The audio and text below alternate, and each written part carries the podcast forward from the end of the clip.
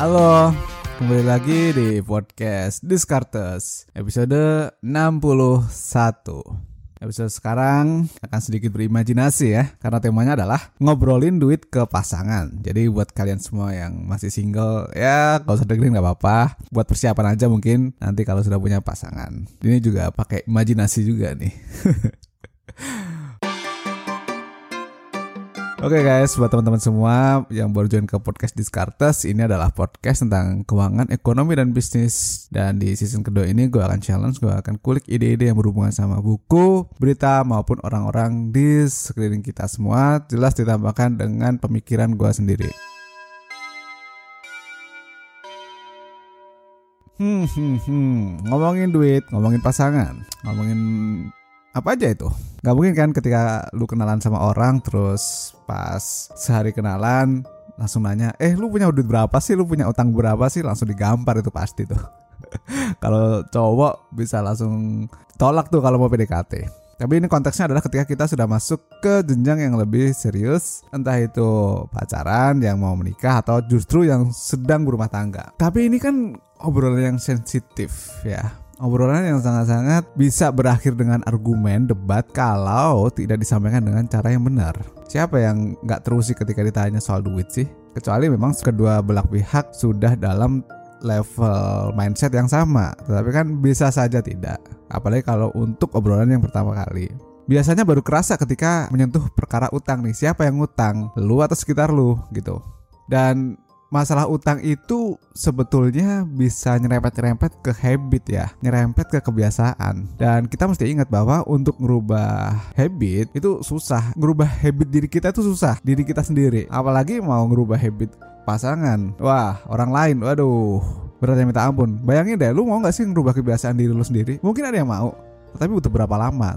Butuh berapa tahap untuk bisa sampai ke level itu? Jadi ketika ngobrolin duit itu paling tidak dalam kondisi yang masih jernih pikirannya. Kondisi badannya yang sehat. Kalau ngobrol di saat kita lagi emosi terus badannya lagi nggak fit ya berabe. Dan momen selanjutnya kalau misalnya muncul problem keuangan juga ada baiknya disampaikan diobrolin tuh.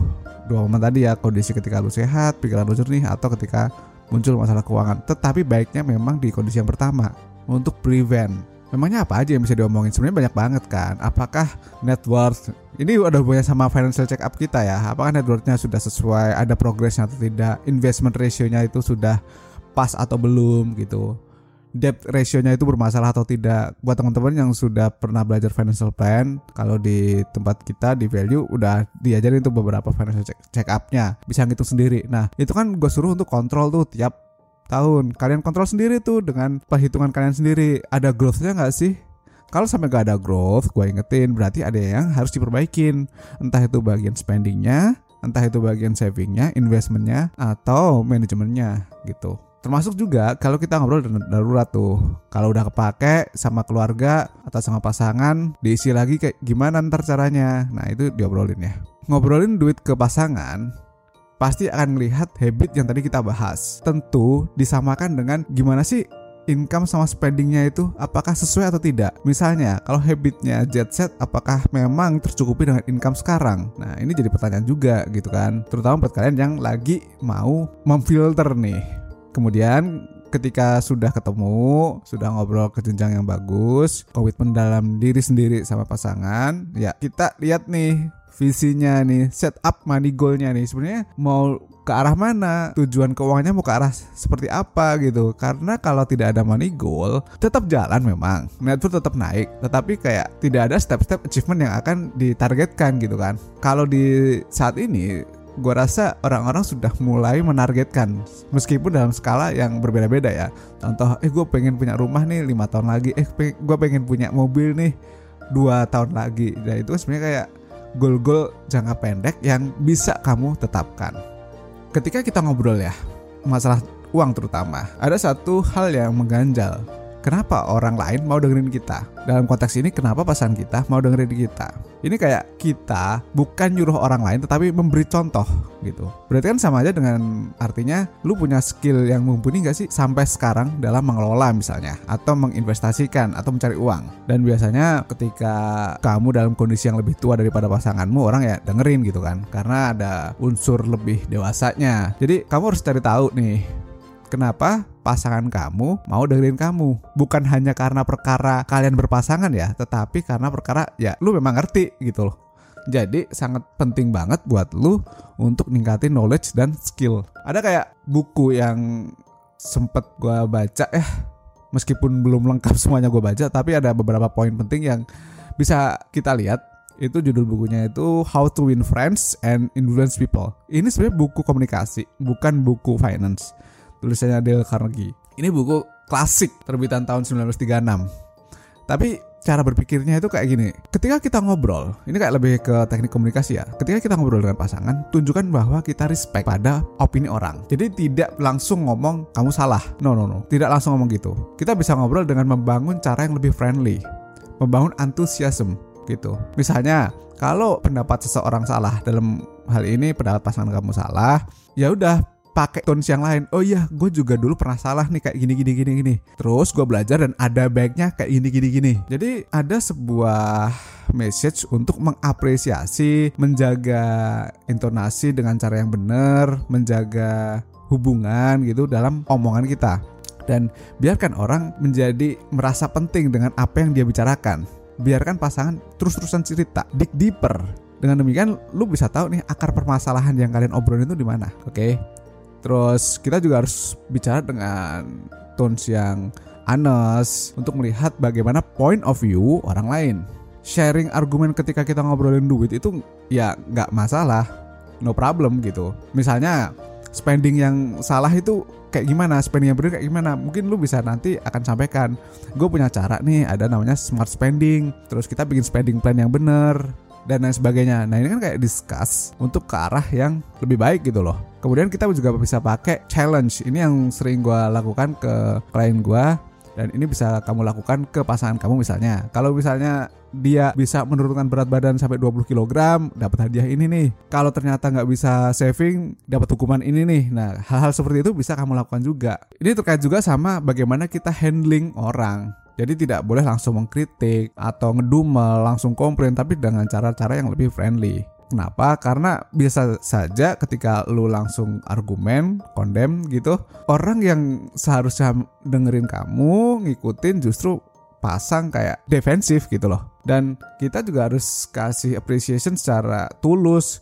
Jadi kalau misalnya pas dia dapat bonus ya kita puji dengan tulus juga. Wah selamat ya, lu dapat bonus sekarang. Nanti kita coba yuk dengan bonus ini bisa nambahin saving-saving kita. Kan kita sama-sama pengen punya rumah nih tahun depan. Misalnya seperti itu.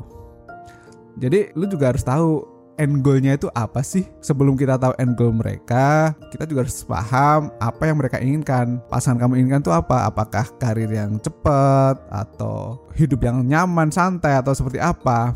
Dalam konteks ini kita tidak berusaha untuk mengubah orang lain secara drastis, tetapi kita kan punya goal yang dibangun bersama-sama gitu loh.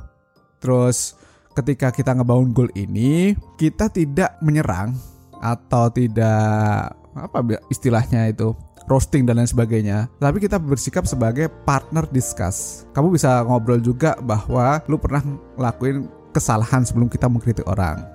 Misalnya, iya nih gue juga dulu hobi beli tas-tas branded Cuma akhirnya kan ngurangi nih intensitasnya lumayan bisa buat dinner kita Atau kasih hadiah wedding nih kalau misalnya buat teman-teman yang sudah nikah Terus mulai dengan praise dan honest appreciation Jadi mulainya dengan memuji nih Tapi ini bukan nge ngejilat ya ini beda. Kita puji secara tulus. Misalnya dia di usia 35 jadi manajer ya udah kita puji. Wah kamu di usia sekian udah manajer itu bagus. Tapi ya jangan jumawa duitnya juga disimpan gitu misalnya. Atau jangan juga kamu suruh-suruh tapi minta dia jawab sendiri. Misalnya kalau nggak beli gitar baru kalau orang yang demen gitar nih ya nggak apa-apa kan? Atau velg mobil yang kita punya sekarang itu masih keren. Jadi apa nggak sayang kalau nambah-nambah buat beli velg lagi toh masih ada duitnya bisa nih buat yang lain gitu. Jadi banyak cara gitu. Kemudian kita juga bisa ngasih semangat biar orang atau pasangan kita itu nggak ngerasa terbebani. Kesalahan kadang bikin orang ngerasa nggak kompeten loh, rendah diri, terus semangatnya hilang. Nah, di sini kan konteks pasangan itu bisa untuk eh semangat dong perjalanan kita masih panjang gitu. Itu juga bisa diobrolin juga gak sih? Orang gue yang punya pasangan aja tahu hal-hal kayak gini ya memang berdasarkan cerita klien-klien gue tapi ini kan gue emphasize gitu dan yang paling penting adalah lu bikin orang lain atau pasangan lu happy dengan apa yang lu suggest. Bisa sambil ngasih dinner yang enak atau ngasih kado pas momen yang pas atau pas sesuatu yang bisa dirayakan bersama terus kamu ngasih opini tentang uang ini. Nah, itu juga bisa dilakukan. Jadi, obrolan kita selama ini sebenarnya adalah kan kita sudah sepakat bahwa ngomongin uang itu tabu ya. Setabu kita ngomongin seks Nah, dalam konteks ini kita ngomongin dengan cara-cara yang lebih enak didengar, lebih sopan didengar, jadi orang juga bisa menerima dengan enak gitu. Kan pasangan lu orang juga atau alien. Oke, gitu aja. Sampai jumpa lagi di podcast Discartes episode selanjutnya. Thank you and bye-bye.